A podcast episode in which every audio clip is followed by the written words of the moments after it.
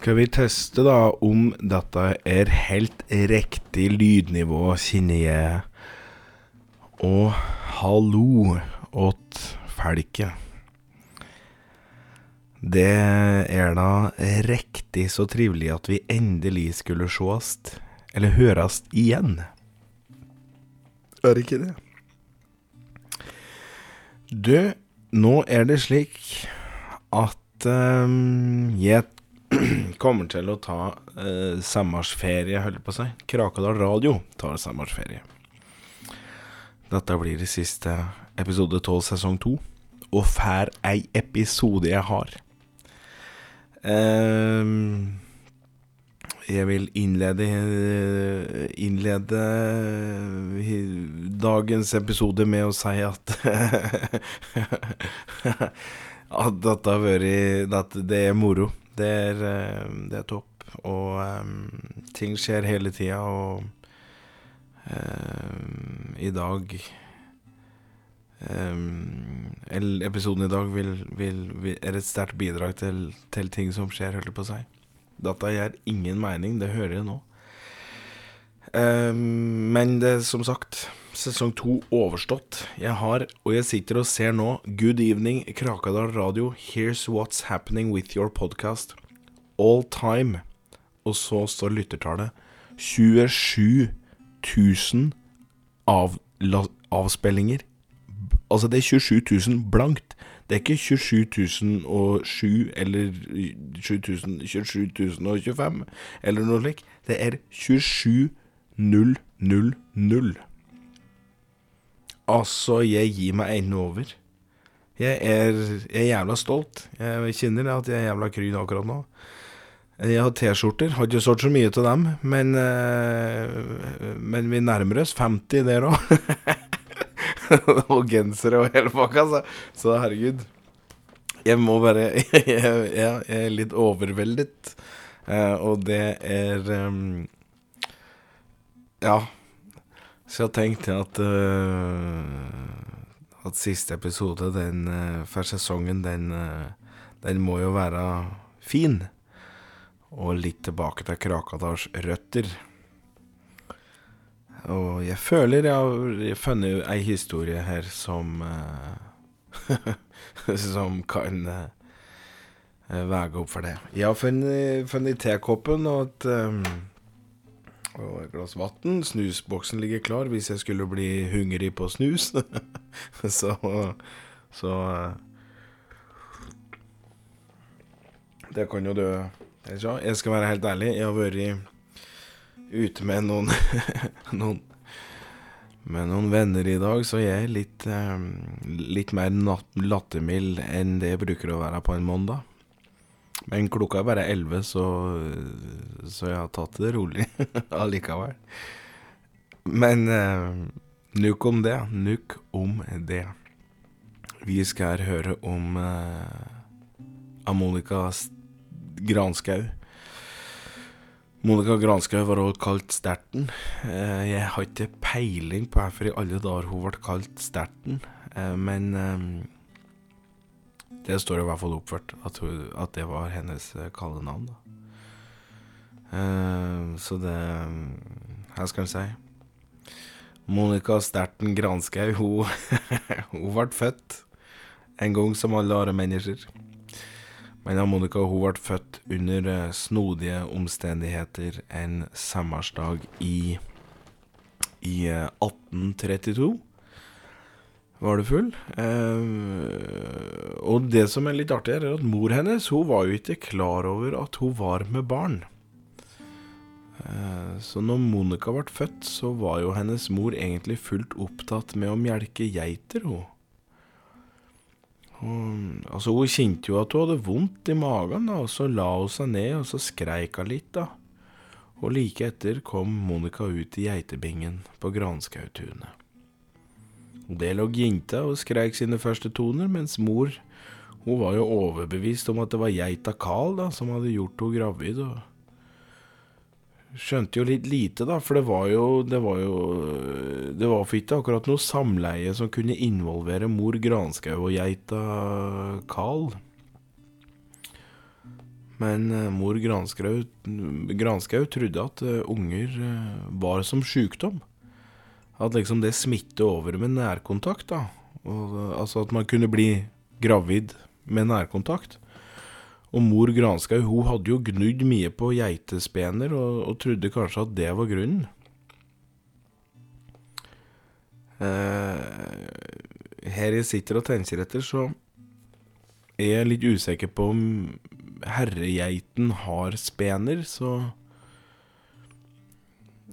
Hvis mor Granskaug da trodde at det var noe overførbar sykdom ved å gnu på spenere som var tilfellet, så tror jeg ikke det var spener hun gnudde på geita Karl. Ja, for å si det slik. Um, for mor Granskaug, hun var aleine. Hun hadde ingen kjæreste eller noen romanse med noen, da. Men ni måneder tidligere, da hadde det riktignok vært dans, og der eh, hadde han helt sikkert mest sannsynlig råket utpå. Mor Granskaug tålte ikke sprit, og minnet hennes det svartnet ofte når hun drakk sprit. Så hun mintes ikke helt hva dansefanten var, eller at hun i det hele tatt hadde tatt med seg noen og laga unger. Det, det hadde hun ikke tenkt. Men Monica var ikke gamlejenta da hun møtte på en um, flaggermus. Han heter Bertil. Bertil han hang over kassa som uh, Monica lå og svav i. Dette var vel en morgen da hun var ca. to eller fem år. Mest sannsynlig fem, da, ettersom hun kunne prate, så Og da satt Bertil på kassekanten hennes, og så så hun rett i øynene med sine bitte små øyne, og, og så sa han det. Jeg ser deg ikke, men jeg hører deg, sa han. Ja, ja. Ja, jeg både, jeg, jeg både ser og hører deg, jeg, sa Monica. Her heter du, ja, undrer Bertil på. Monica. Her heter du, ja. Bertil. Bertil. Er du aleine her, du, Bertil? Ja. Mor mi lurer nok på hva jeg gjør, men jeg finner ikke veien ut fordi jeg ser så dårlig, svarer han Bertil. Men hvis du kommer deg ut, da? Finner du veien hjem igjen da? Ja, ja, ja, ja. Jeg hører rimelig godt, ser du, så når jeg flyger rundt i skogen, så kan jeg kjenne hvilket tre som rasler med hvilke greiner og kvister og blader, da. Og da så finner jeg veien. Visste du at jeg kjenner hvert enda tre som står i skogen herifra til Trøndelag? Nei, det visste jeg ikke, svarer Monica. Ikke noe rart i det, jeg har jo aldri hilst på deg før, men det er sant, det kan jeg bare si deg. Mm -hmm.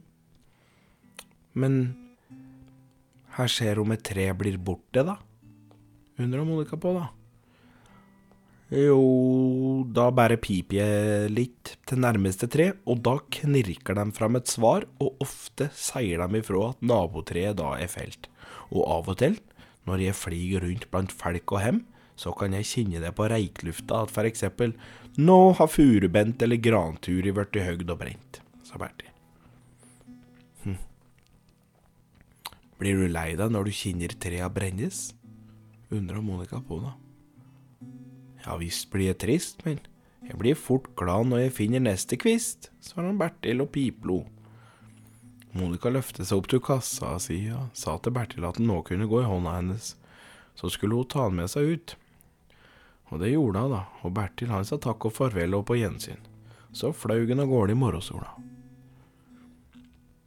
Og det var historien Nei, ja, det var ikke det. Nei da. Dette var uh, Dette var bare en hendelse i Monica sitt liv. Uh, men uh, nå skal vi spole litt fram i tid. Uff, jeg sitter altså så jævlig kjett til i denne jævla stolen.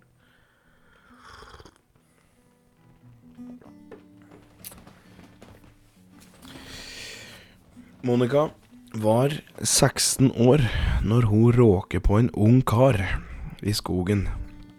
Og han heter Frank Salt. Han var òg 16 år, og så hadde han rømt ifra en fiskebåt i Lillesand. Hesten han kom til Krakadalen, var full med beina, antas det. det er det. Ja, det står for ikke skrevet noe annet, da. um, Monica fant en Frank når han satt aleine på en stein, og så grein, da. Og hun stelte seg opp fram av Frank og lurte på hvorfor i alle dager han satt der og sippet, da, som en liten gutt.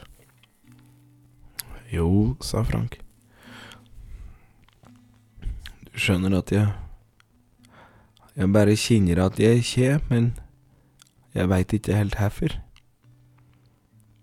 Så du bare griner uten grunn, egentlig? Ja. Ja, jeg gjør nok det, akkurat nå. Jeg gjør det. Men av og til er det slik at man er litt sårere enn andre dager, og da er det bedre å la tåren trille, da, enn å holde det att. Jeg blir fort sint på de andre gangene jeg ikke griner. Og det er kjett for mange andre, og kjett for meg òg, for jeg er jo egentlig bare glad i alle folk. Ja, da syns jeg det jammen er bra du griner, sa Monica. Så satte hun seg ned ved sida av Frank og så, så på at han grein seg ferdig og etter noen timer når han var ferdig, så lurte hun på om Frank ville ha en kos. Og det syntes jo han var utrolig trivelig, da. Så takk en ja takk, da, til det. Veit du hvorfor man tapper at det øver når man drømmer eller kysser eller holder rundt noen? spurte Monica. Nei, svarer Frank. De fineste tinga i livet kan nemlig ikke ses. De kan bare kjennes med hjertet. Visste du at når man holder rundt og gir noen en klem, så er det ikke bare kjaka som møtes, men at òg hjertene våre røres? sa Frank. Det visste jeg ikke, sa Monica. Så smilte jeg litt, da, men så holdt Frank eh, i ermene sine. Og det var nok kanskje i dette tidspunktet at Monica og Frank falt for hverandre. For det skulle nok bli bryllup i Krakadalen i året 1850, når både Monica og Frank var 18 år gamle. Frank hadde spurt mor Granskaug om det var greit at han tok hennes hånd og gjorde henne til, si, til sin på ordentlig, da. Og det synes mor Granskaug bare var godt, for det, da fikk hun hus aleine. Og dessuten så var det jo mange år siden Monica hadde vokst ut sovekassa si, så det måtte få bli ålreit for hun òg, det å ligge i ordentlig seng nå som hun var voksen, tenkte mor Granskaug da. Og bryllupet, bryllupet det holdt seg Holdtes eh, til på sommerstida. Eh, og sola stekte som tusen i Krakadalen. Og feststemte bygdefanter trappa opp med sprit på innerlomma, hembrygg øl og vin på tunner rundt omkring på festplassen. Og det var satt opp et par Det var satt opp, et, eh, satt opp parkbenker rundt omkring slik at de som ble slitne av all dansinga, de kunne sette seg ned en liten stund. Og damen kom med blommer i håret, og, og da var det slik at det, de som ikke hadde noen make, og var kanskje ledig til en dans, da, de hadde da en blomst av slaget apotekerkattost. Ap altså, faen, uttalen det? Apotekerkattost? Apotekerkattost. Ja. Det var i hvert fall blomme. Heter Og det er, det er en blomme. Det er ikke tull. Blommen heter apotekerkattost. Det er en gærende fin, rød blomme. Herregud, nå er jeg trønder da. veit ikke jeg sitter ikke, altså, dialektpreker nå. Apotekerkattost er en jævla fin, røv blomme. Var det Er det er det, er det, det jeg prøver å komme fram for? Og denne blommen, den hadde da de single damene bak høyre øret sitt. Mens de damene som hadde husbond eller kjæreste, de hadde da en kublomst sittende bak sitt nei, venstre, venstre øre.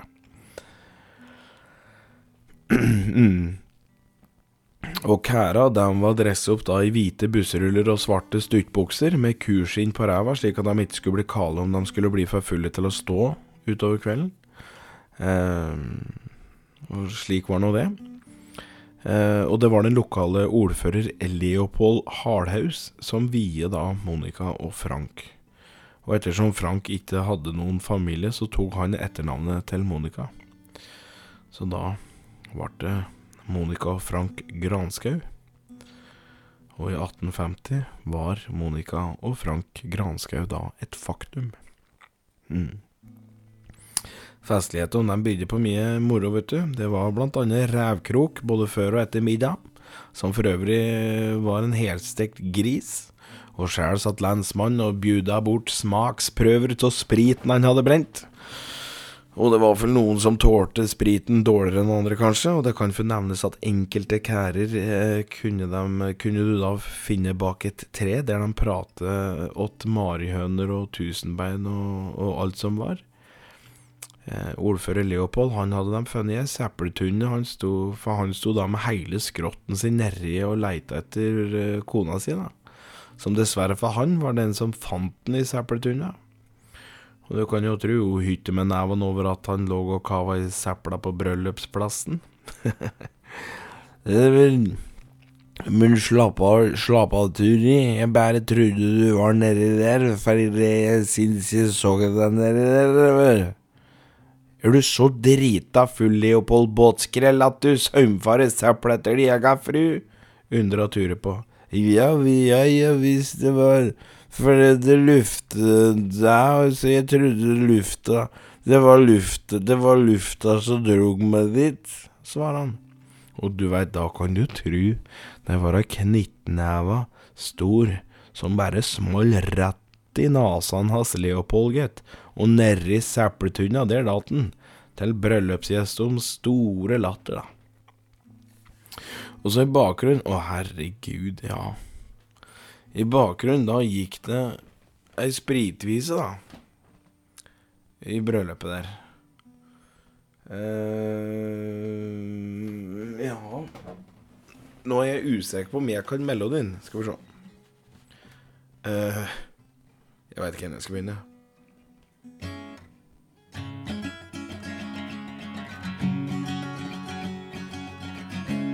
Vi prøver på dette, da. En, to, tre, fire, brennevinskrell. For livet og kjærlighet kaller leia, leia, leia.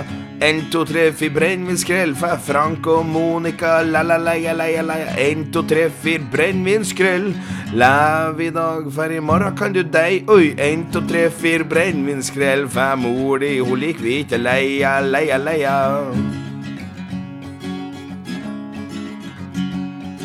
Og en, to, tre, fire brennevinskrell for livet og kjærleik, ei, ei, ei, ei. En, to, tre, fire brennevinskrell for Frank og Monica, leia, leia, leia, leia.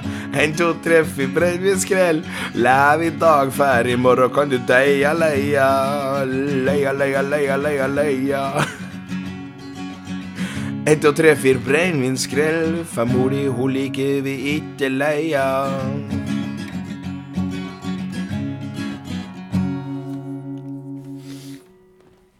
Nå eh, merker jeg det at jeg skal ikke eh, Jeg skal ikke sitte her og skreppe på meg at denne låta der gikk akkurat slik. Eh, for det, jeg har eh, ikke hørt melodien til denne sangen der før. Eh, unnskyld for det. Mm. Men det var i hvert fall noe lik. 1, 2, 3, 4, brennevinskrell. Oh. Slik gikk låta, da, på en måte. Og i bakgrunnen Monica og Frank de satt jo bare og hadde øver hverandre denne kvelden. Eh, og det hendte jo at de var oppe på danseparketten og, og, og svingte seg da de gangene felespiller eh, Hanna fra Vilnius var noenlunde uforstyrret av innpåslitne kærer. Men ellers så satt de bare og holdt rundt han og hviska i øret til han. Så ja. Og her de hvisker, det er jo ikke akkurat greit å vite, men for alle jeg vet, så kan det ha vært alt fra tyttebærsyltetøy til, eh, til eh, stjerneskudd og månemann, for alt jeg vet, altså. Det Det Jeg aner ikke. Um, og ni måneder seinere, eh, da ble det jaggu granskautvillinger i skogshøltet der Frank og Monica hadde bygd huset sitt, da. For de, Og så snekret de da et uthus da, som unger kunne være i, og, og, og, så unger kunne sveve der. Og der lå òg Frank og Monica da annenhver nett og så passet på unger, mens det var grevlinger mest sannsynlig som vandret utenfor husdøra på jakt etter menneskebein. Så mm. Og det å få unger det er jo tungt, og det er sikkert rart at de fleste det. Eh, og det var jo ikke mindre tungt for verken Frank eller Monica, men, men eh, Monica var så forelsket i både sine barn og ikke minst gubben sin. Så, så dette gikk vel greit, det. Og unga, det ble hettan Theo og Lea Granskaug. Begge de var like ljuse i håret som som uh, mor si. Mm. En Frank han endte opp som tømmerfleitar, mens Monica hun endte opp som gullgraver. Eh, akkurat gull det var det jo litt lite av inne på Krakadalen. Eh, men Monica tenkte at det, at det ville være bedre å ha med seg unga ut i skogen og lære dem å grave enn at de alle tre skulle vært hjemme og, og gjøre ingenting. Så Theo og Lea de grov jo da opp diverse stein og røtter, og, og da kunne jo Monica svare, da, at dette enten var leirstein, granitt, grønnstein, gneis eller syenitt. Og om det var røtter, så kunne jeg si at, de, at det tilhørte da enten kimrot, siderot eller, eller eh, klatrerøtter. Mm. Og slik lærte jo da Theo og Lea mye rart da, om planter. Og, og, de var jo ikke gamle noen av dem da de laga brenneslesuppe for første gang, f.eks., mens mor da sto, sto på kne i Krakabekken på jakt etter gull.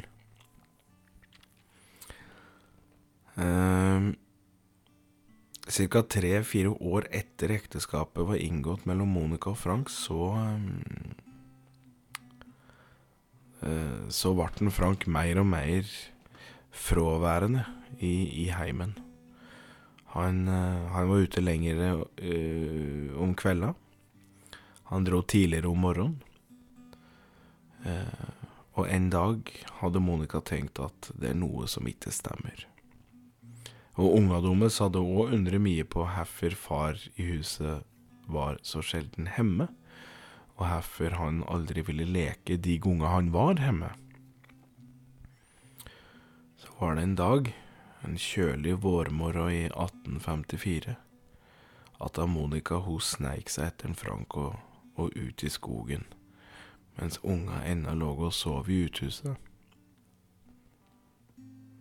Hun gikk for letteren i over ei mil.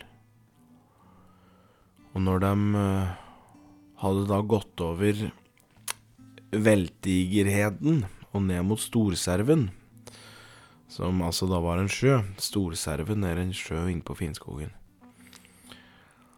Og da, da så Monica at Frank møtte ei dame som ja, enten var jevnaldrende eller kanskje litt eldre. Hun sto utafor ei lita trekoie med reik osende tur pipa. Hun hadde et, eh, et langt ullskjørt med en grå ullbluse til. Og så var det sjal over huget, men man kunne da fortsatt se det merke, lange håret hennes hvile nedover skuldra hennes. da. Eh, Frank han hadde visst da tiget madammen rundt livet, og så ga han henne da et kyss. Og da så nok eh, vår godeste Monica Granskaug litt eh, dystert eh, på ting. Det gikk vel i svart der, vil jeg, vil jeg, vil jeg anta. Men hun ventet til de gikk inn i koia.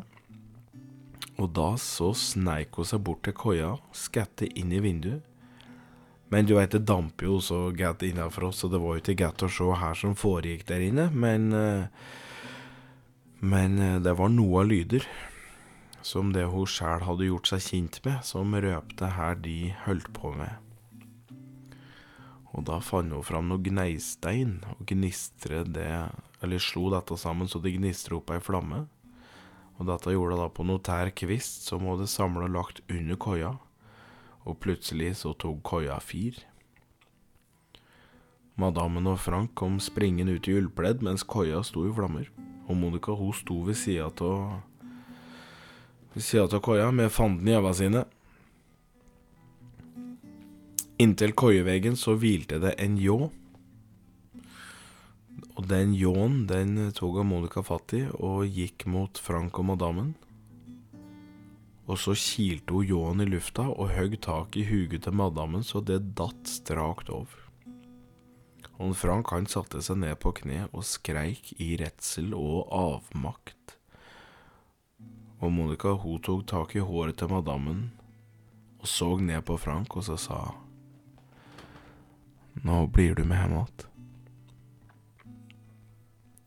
Frank gikk etter Monica, som slepte på ljåen i ei hånd og madammens huge i det andre. Og da de kom hjem, så satte Monica huget til madammen på ei glasskroke med sprit i, og dette satte hun da på nattbordet på sida til en Frank, og så sa hun Neste gang du skal ut og lufte pekkelekken din hos noen andre, så husk hvordan det gikk første gangen du gjorde det. Og Frank han bare nikket, og så sa han ingenting.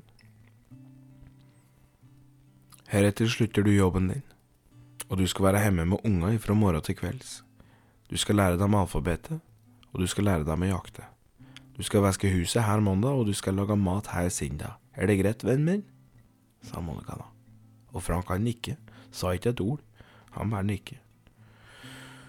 Og så gikk Monica ut til uthuset og stelte sine små, og så sa til dem at nå skulle far være hjemme med dem og leke og lære bort forskjellige ting.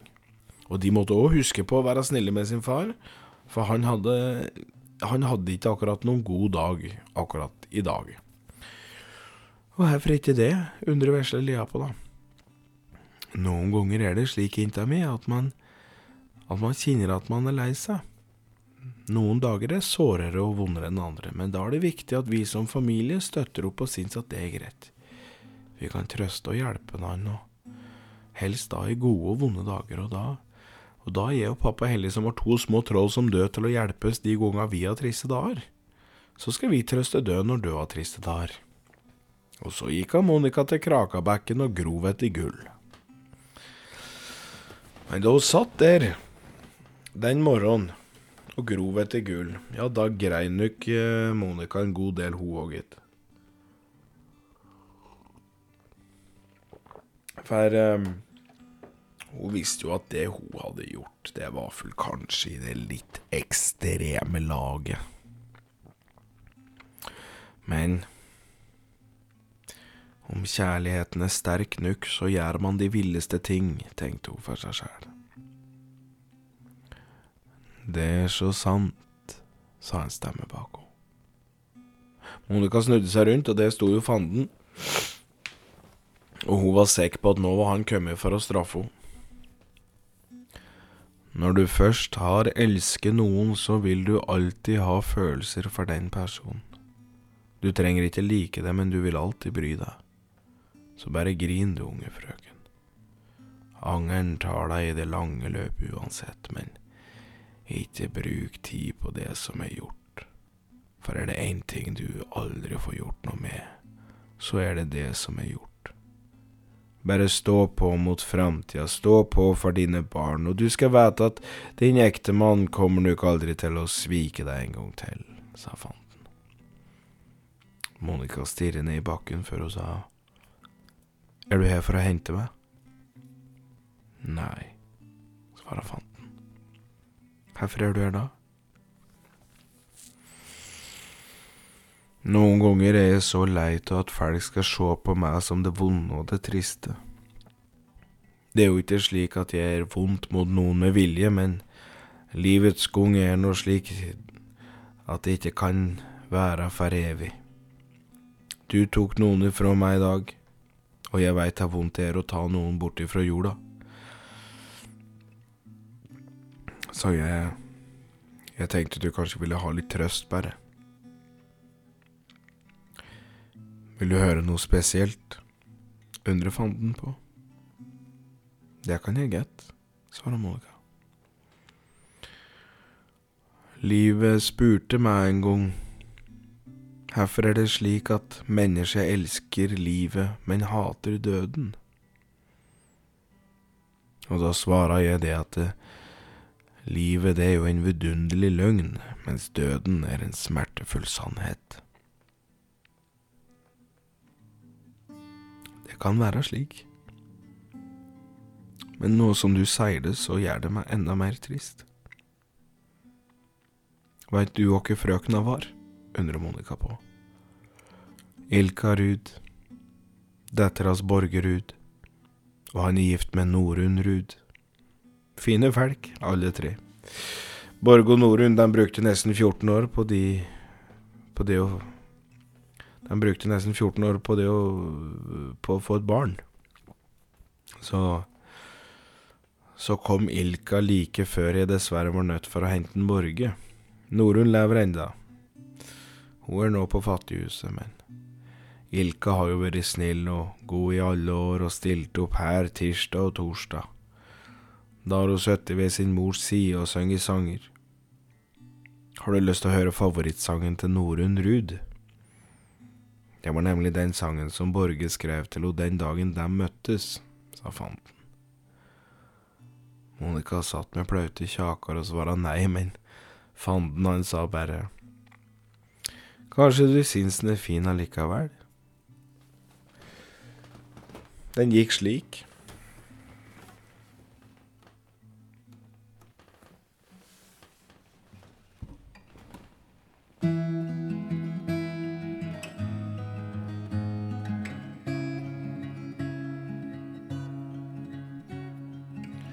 Fant ei frøken jeg forelsker meg i. Elsker ho fra starten og lot det ta sin tid. Hun så meg i øva etter noa år. Ba meg med ut på en kaffetår. Hun ga sin hånd og så sitt smil. Jeg ga ho mi hånd og så mine tvil. Hun undrer på om jeg hadde sår i mitt sinn. Jeg svarer nei, det fins ingenting.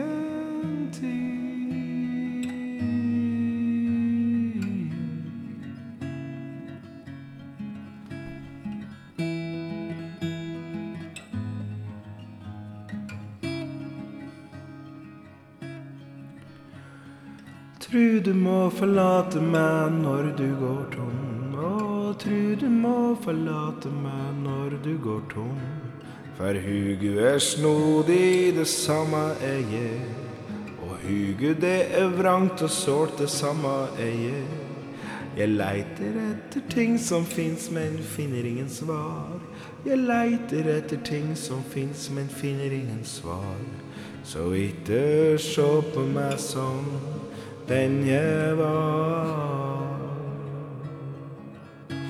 Nei, ikke sjå på meg som den jeg var. Fant ei frøken som til slutt vart mi. Hun elsker meg så høgt at mitt hjerte sto i krig. Hun så meg i sjela når jeg lå klar til å dø. Ønsker meg lykke til når jeg får over sola rød. Hun holdt meg i hånda og ga meg et kyss. Jeg klemte hennes hånd og ba hun ta neste kyss. Hun undrer på om jeg hadde sår i mitt sinn. Nei, svarer jeg, det fins ingenting.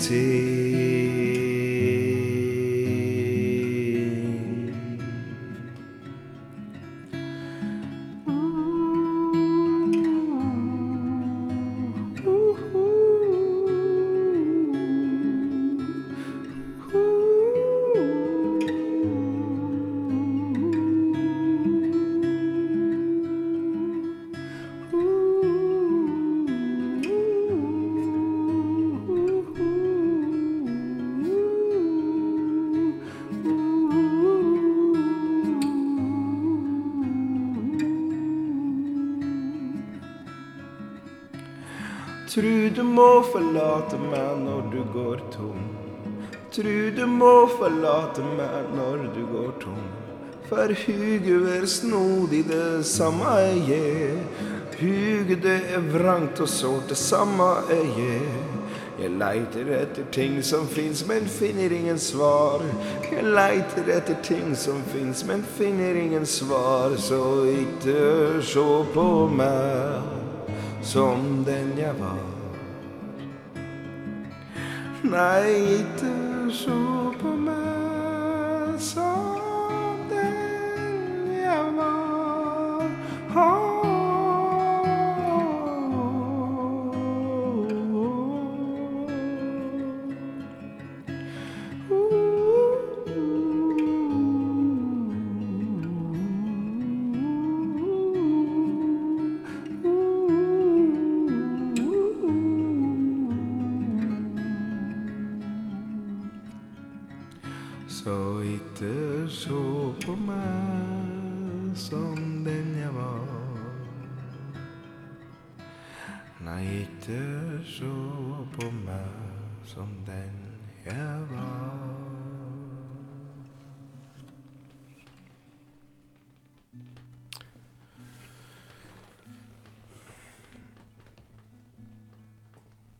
da denne sangen det var ferdig, da satt da Monica og eh, hulke lenge. Fanden han sa til slutt da Visste du at når et menneske griner og de første tårene kommer ifra høyre, da er det gledestårer. Om tåren begynner å renne fra venstre øye, så er det smerte. Om du begge starter samtidig, da er det frustrasjon. Og det kan jeg si deg nå, Monica Granskau, at du kan fortsette å grave gull så lenge du makter, men du har bare å gå hjem igjen og fullføre livet ditt med gubbe og unger. For gråten graver ingen opptur grava. Monica bare nikker. Så gikk fanden derifra. Mens Monica hun la seg ned i bekken og greintur seg siste, de siste tårene hun hadde hatt den dagen der, da. Mm. Det å ha ilka sitt huge på nattbordet til Frank til advarsel om at han aldri mer skulle være utro, det var nok en like dyster påminnelse for Monica som, om, som det var for Frank. Eh, men Monica hun var nok såpass sta at hun heller eh, ville gå i kamp mot dette svarte minnet enn å glemme det bort. Eh, og dessuten så var hun livredd for at en Frank sjøl skulle glemme hvem han hadde lovet å elske livet ut. Oppi alt dette dramaet her, så var det funnet et brev. Og det brevet der Altså, det ble funnet Det var ikke funnet Det Altså, nei, dæven. Det er ikke ofte jeg blir eh, så kry som jeg er i dag. Men det er jeg. For det eh, Jeg òg har nå vært ung en gang. Altså et lite barn. Og eh, en av mine første juleminner Og dette veit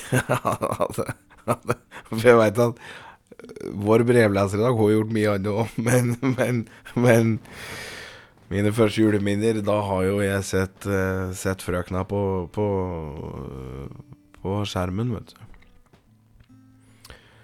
Og det at jeg nå at av alle mennesker så er det altså vedkommende som har klart å finne et brev mens hun var og lette etter uh, marihøner på trikkeskinner uh, på Majorstua til alle mulige plasser, ikke sant? For det Dette er det altså Bente Børsum som har funnet. Og jeg Ja. Å ha en slik en dame i livet, det anbefaler jeg de fleste. Bente Børsa Børsum. Nei, jo jo, men Jo jo. Nei, det er helt fantastisk. Og, og, for hun Altså, Bente var jo da ute og valse, vet du, i Oslos gater, og ja i hvert fall ei marihøne som hun fant og var litt fin. Men marihøna fløy av gårde, men i stedet for så fant hun da Bente et, et brev. Og dette brevet, altså av alle mulige rare ting, altså, så er dette brevet Monica Granskau sitt brev. Og eh, Og det brevet skal du få høre her. Her kommer Bente som leser opp Monica Granskaugs brev. Til den kjæreste jeg har. Det var en tid hvor jeg lengtet etter noen å få le med, en å danse med og en å høre historiene til. En som lurte på min hverdag og hvem jeg var. Og så en sommerkveld satt du der og gråt. Det, det slo meg først i senere tid at du hadde betraktet meg i flere måneder, og jeg antar at det var med det samme usikre og ivrige blikket du ennå innehaver. Jeg vet at du vet at jeg vet det. Og du må jo også ha funnet det underlig at dette blikket som ikke er blygt, og som aldri antyder noe bestemt, er det blikket jeg falt for den dagen jeg traff dem. Men jeg kan fortelle dem at jeg falt for at blikket ditt alltid var oppmerksomt. Det var tilfreds i tristheten du bar på. Og uansett hva slags følelser dette blikket brakte i meg, så må du sikkert ha hatt dine tanker om, om hvilke intensjoner jeg måtte ha. De må nok ha sagt til dem selv, uten å nødvendigvis ha vært tilfreds med det, at jeg enten er en blyg og besynderlig særing, eller at jeg ikke var helt vel bevart på en eller annen måte. Men det faktum at jeg falt for dem, min kjære husbånd, betyr ikke nødvendigvis at jeg er blyg eller gal. Jeg er nok annerledes, hvilket jeg her forsøker å forklare og jeg har heller intet håp om at dette brev vil feste din lit til meg. Og Den dagen jeg sto foran deg med dine hender i mine, og vi var ektefolk, da kjente jeg en enorm kjærlighetsrus som er for stor til å forklare med ord. Det finnes ingen ord som kan beskrive min store kjærlighet til deg, min kjære husbånd. Men den kalde morgenen når solen lyste ned sine svindlerske stråler fylt av kulde, og jeg så dem der stå med en annen madame. Og den morgenen ble jeg grepet av denne voldsomme lengselen, og alle bildene jeg hadde av dem før vi giftet oss, alle disse bildene jeg hadde skapt av dem, de brente seg bort i sinnet. Jeg var ikke sjalu, men jeg lengtet tilbake til den forestillingen jeg hadde om dem. Hadde jeg sett et maleri av en kjekk mann og funnet ut var tagen, så ville jeg nok kjent på den samme smerten. Det har aldri vært min hensikt å eie dem, kjære husmann. Og selv om jeg hadde vært så nedrig at jeg hadde visst hva det ville si å eie dem, hvor skamløs ville jeg ikke da vært overfor meg selv om jeg så tenkte å bytte meg selv ut med din elskerinne? Mange timer har jeg tilbrakt med dem og elsket dem høyt. Men jeg gir dem mitt æresord. Jeg har aldri drømt om å eie dem. Å bli elsket av deg er alt jeg har ønsket. Men tanken på all sympati og skam jeg ville blitt møtt med om andre mennesker i bygda skulle få vite om deg og ditt horeri, den gjør meg gal. Den gjør meg blyg. Jeg trodde det nærmest var en revestrek at noen skulle for alvor elske meg. Jeg ble både forvirret og konfus av dette. Men så følte jeg meg smigret, og den slags kan intet menneske stå imot. Og det gjorde meg så smertelig vondt at denne følelsen, som kunne fortone seg som det mest naturlige i verden, kunne så fort gå over. Og så fulgte fornemmelsen av ydmykelse og tretthet. Det smigret meg at du verdiget min eksistens, et oppmerksomt blikk, og opplevde meg som et elskverdig vesen. Men nå er det altså kommet dit at det korte blaffet av smigret forfengelighet er erstattet med ydmykelse. Og ydmykelsen, den står nå i forgrunnen. Trettende er det også å være et objekt for andre menneskers følelser. Min eksistens er nå totalt avhengig av å forholde seg til andre menneskers følelser. For uansett om jeg ønsker det eller ei, så er jeg nå mor til to. Du og jeg har barn. Og hadde det bare vært dem selv og meg, så hadde jeg ikke nå vært her, tvunget til å føle, tvunget til å elske, selv om det ikke er gjensidig. Så derfor skriver jeg dem dette brev, kjære husbånd.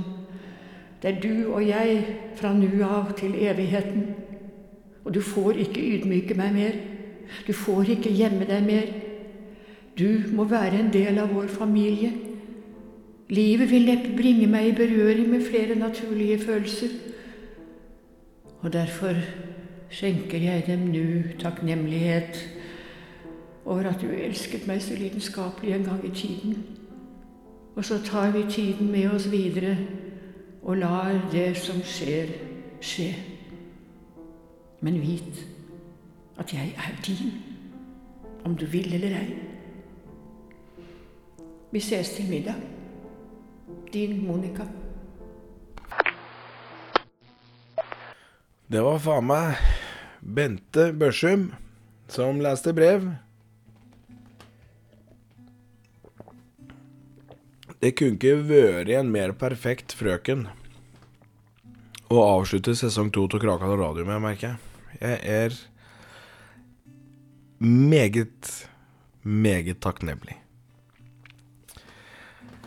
Uansett Det kommer nok en T-skjorte, føler jeg, det, det med trøkket Krakal radio uansett på, føler jeg. For det er en gjentagende drittgreie med den jævla serien her.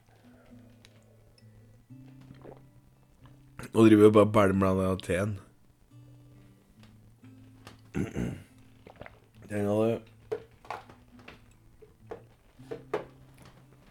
Teen hadde blitt litt lunken. Så da er det jo bare å drikke den straka bagen ned. Uansett Fy faen. Uansett, altså. Uansett. Dæven. Lell, kan jeg begynne å si. Ja ja, nok om det. Nok om det. Theo, Theo og Lea, dem altså tvillingene til Monica og Frank, hadde, noe, hadde for blitt ti år gamle. Og da var det slik at Monica og Frank skulle ta med seg unga sine og kose seg i skogen. Da de ordnet med noen pølser som niste, da. Og så et lammelår. Pølser og lammelår, det skulle, det skulle mamma og grille. Eh, Men det var vel mest Theo da som var mest gæren etter pølser, da. Mens de tre andre de syntes at grille lam var topp. Også da han kom fram til en, eh, en strandkant inn på Krakadalen, så tenkte Monica at det ville vært greit å ordne opp noe brenneslesuppe som forrett, ettersom hun visste at det var noe unga likte. Så da, mens unga ordne Nei, mens unga drev og vasa i vannet, eh, så sto hun og laga det. Eh, men så tenkte Mens denne suppa sto og kokte, så fikk jo både Monica og Frank lyst til å kine på vannet. Eh, og da dem var i vannet, så hadde full vesle Lea tenkt ut en liten revestrek. For hun tenkte at da ville det være moro å gjøre litt eh, puket, rett og slett, med, mot bror sin. Så hun fant nistepakka hans der han hadde pølsen sine, og så bitta ut pølsen med noe hundelort som hun hadde funnet etter veien. Hvorfor hun hadde plukket opp det, det veit jeg ikke, men det var fullt slik da, at hun bare Ja, dette kan jeg bruke til noe, tenkte hun sikkert da. Så, så slik var det. Eh, og det var, det var ikke lenge etter, mens mor og far da fortsatt drev og badet, så kom jo Theo opp og pakka opp nistepakka si. Og så etter ei lita stund, vet du, så skrei gutten på mor si, og han var jo helt panisk. Ja, men her er det som har skjedd, undrer Monica på. Nei, men jeg tror det er kjeltringer her, sa han Theo. Jaså, hvorfor tror du det, da? Jo, for nå tok jeg og la pølsene mine i suppa for å varme dem opp, og nå er de borte, hoien. Og Monica skjønte jo lite av det, men hun så nok at suppa var litt grovere i fargen nå enn eh, enn før hun gikk i vannet. Og hun ropte etter en Frank, og så gikk de rundt på stranda for om det var noen kjeltringer der, om det var noe Ja, noen grevlinger da, eller noen røyskatter, eller noen noe slike ting. Eller kanskje noen frosker da, som hadde stjålet noen pølser. Men det var det jo ikke. Så, og, og så kom de da tilbake og helte oppi brenneslesuppa i her sin treskål, da. Og vesle Lea hun skulle jo ikke ha noe, for hun ville vente på lammet uansett hvor lenge det var til. Så, og så satt altså da mor og far Granskaug med sin sønn Theo, og så slurpet de altså i seg denne brenneslesuppa. Og da lo Lea seg omtrent kav i hjel, og Frank han satt og gjorde noe like rare grimaser. Undrer på hva faen det var slags kongler hun hadde brukt i suppa for å få så kraftig smak på den. og Og så kan vi si han var vel litt usikker på om han syntes dette var så godt. Eh, og Theo han tilbød seg å lage suppa neste gang, for han syntes òg denne suppa denne var for litt vel skarp. så, men Monica hun skjønte jo lite av hva faen det var som hadde gjort smaken så helvetes besk og spesiell, vet du. Men hun skjønte jo at det var noe ille galt da vesle Lea ikke var kærom til å roe ned denne latteren sin. Her i heite tusan har du hatt oppi suppa, Lea? undrer Monica på. Nei, jeg har faktisk ikke hatt oppi noen ting, jeg. Det var Theo som gjorde det, svarer Leo lattermildt. Jeg har da vel ikke hatt oppi noe som helst, dundrer Theo da til sin søster mens han slang suppeskåla ned på bakken. Jo, jo, du la Matt hundemelk oppi suppa, du, hun mens latteren spruter. Og Frank, fy faen, han stivner umiddelbart, vet du, usikker på om det var sant. Og om det var sant, da var han usikker på om han kanskje kunne være allergisk mot hundemelk, og at dette kanskje rett kunne være farlig òg, vet du. Og Monica, ja, hun ble så rasende og så sint at hun bandt fast Lea inntil et tre, helte da i hun resten av suppa. Slik. Neste gang du finner på noe tull, så veit du hva som skjer, sa Monica, og så løsna på tauet da suppa var tom. Og Lea hun var jo uvel resten av kvelden, stakkar. Det var ikke så mye Hun var ikke så gira på lammet når den var ferdig, når den sto klar for grillen. Um, den samme kvelden så lå jo Frank og Monica skulder på skulder på stranda der, og det var sikkert for første gang på mange, mange år, vet du. Og de hadde laga gapahauk da, som unga kunne ligge under. Jeg minnes ikke stjernetegn lenger, sa Monica mens de lå under den åpne himmelen og glana på stjerna. Ikke jeg heller, svarte Frank. Visste du at vi at vi er alltid bare seks minutter unna døden, og at hvert pust vi tar, nullstiller tida? sa Monica. Nei. Det visste jeg ikke, svarte Frank.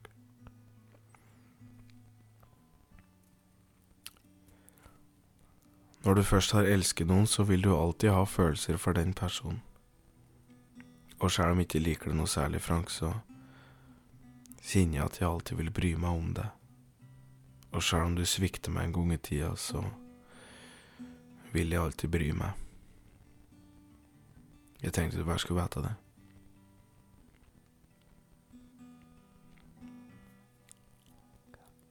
Jeg fortjener det ikke. Men jeg kjenner at jeg er glad for å høre deg si det. Og så la han ermen sin rundt Monica og så lå de to der og glane på himmelbildet helt til sola stå opp, tenker jeg.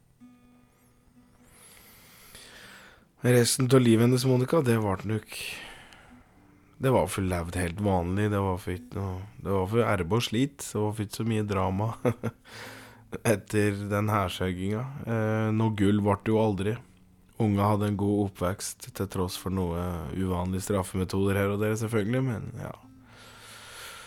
Monica hun gikk da med døden i 1888 under sankthansfeiringa. 56 år gammel ble hun. Eh, og hun ble funnet ved Krakabekken med gullfatet sitt i neva.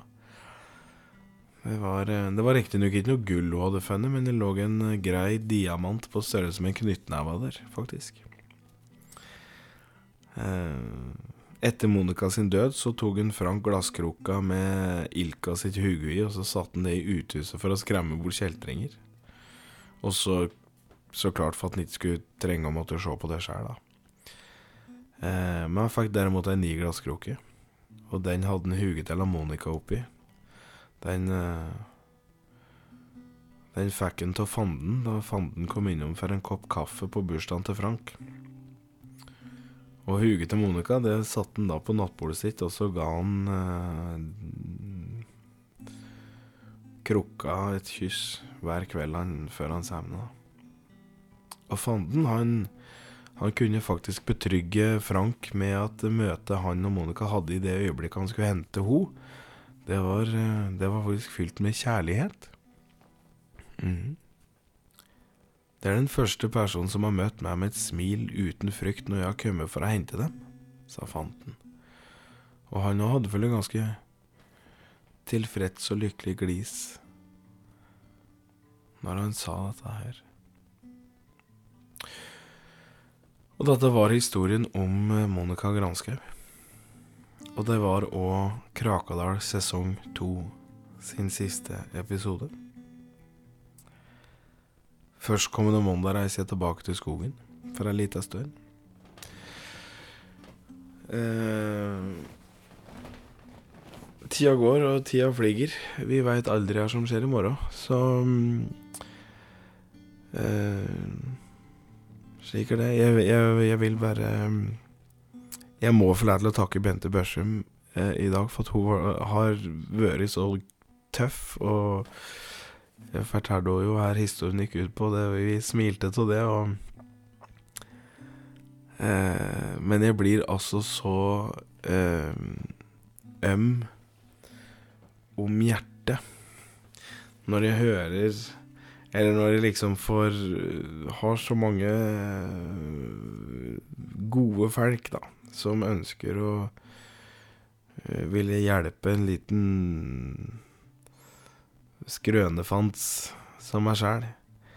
Jeg vil eh, Og jeg vil ikke bare takke, takke Bente, Bente, jeg vil også takke Heidi Toyny, Kingsford Sayer, Henrik Flatseth og eh, Gine Cornelia Pedersen, eh, Katrine Toborg Johansen, Annike von der Lippe, Oddgeir Tune, eh, Jonas Lihaug, Mattis Herman Nyquist og selvfølgelig eh, Ida Elise Broch eh, for at du har ville være med meg i sesong to. Og jeg vil òg takke alle du som har hørt på. Har du lyst på Kraka For det har jo skjedd siden sist. Jeg har jo faktisk Krakadal Radio-merch. Altså, du kan få kjøpe gensere. Du kan få kjøpe T-skjorter. Eh, om ikke så altfor lenge så vil det òg komme capser. Som du kan få lov til å kjøpe. Og dette gjør du ved å søke opp eh, Krakadal Radio på enten Instagram eller Facebook, og så sender du rett og slett en melding. Rett og slett en melding sender du, og da ordner du det. Og der finner du priser og bilder og diverse. Så jeg tenker nå at nå bare avslutter jeg med med Med sangen som Norun var så glad i. Så tusen takk, alle som en. Og eh, du må bare huske på det. Ta vare på hverandre.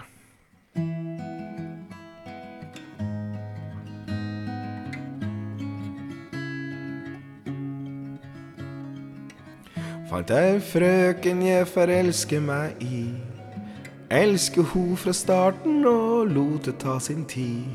Hun så meg i øva etter noa år. Ba meg med ut på en kaffetår.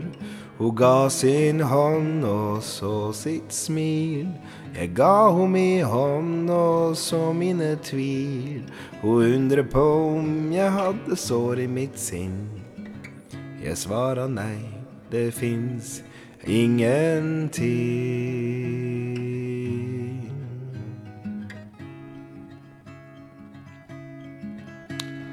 Tru du må forlate meg når du går tom.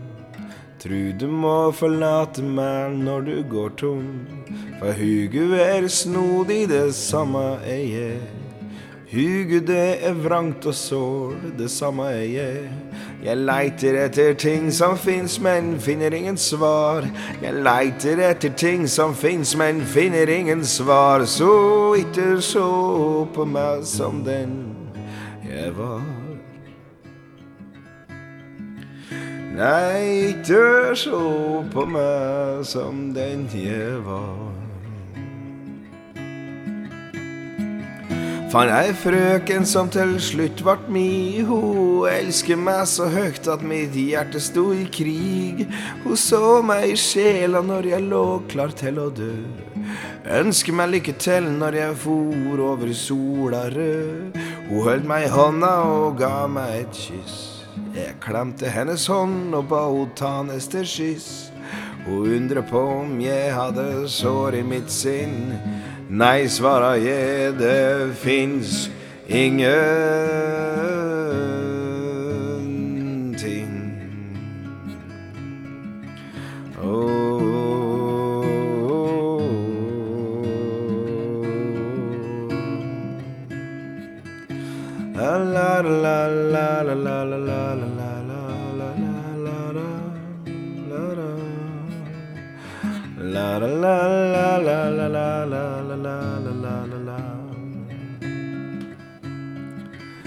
Og tru du må forlate meg når du går tom. Tru du må forlate meg når du går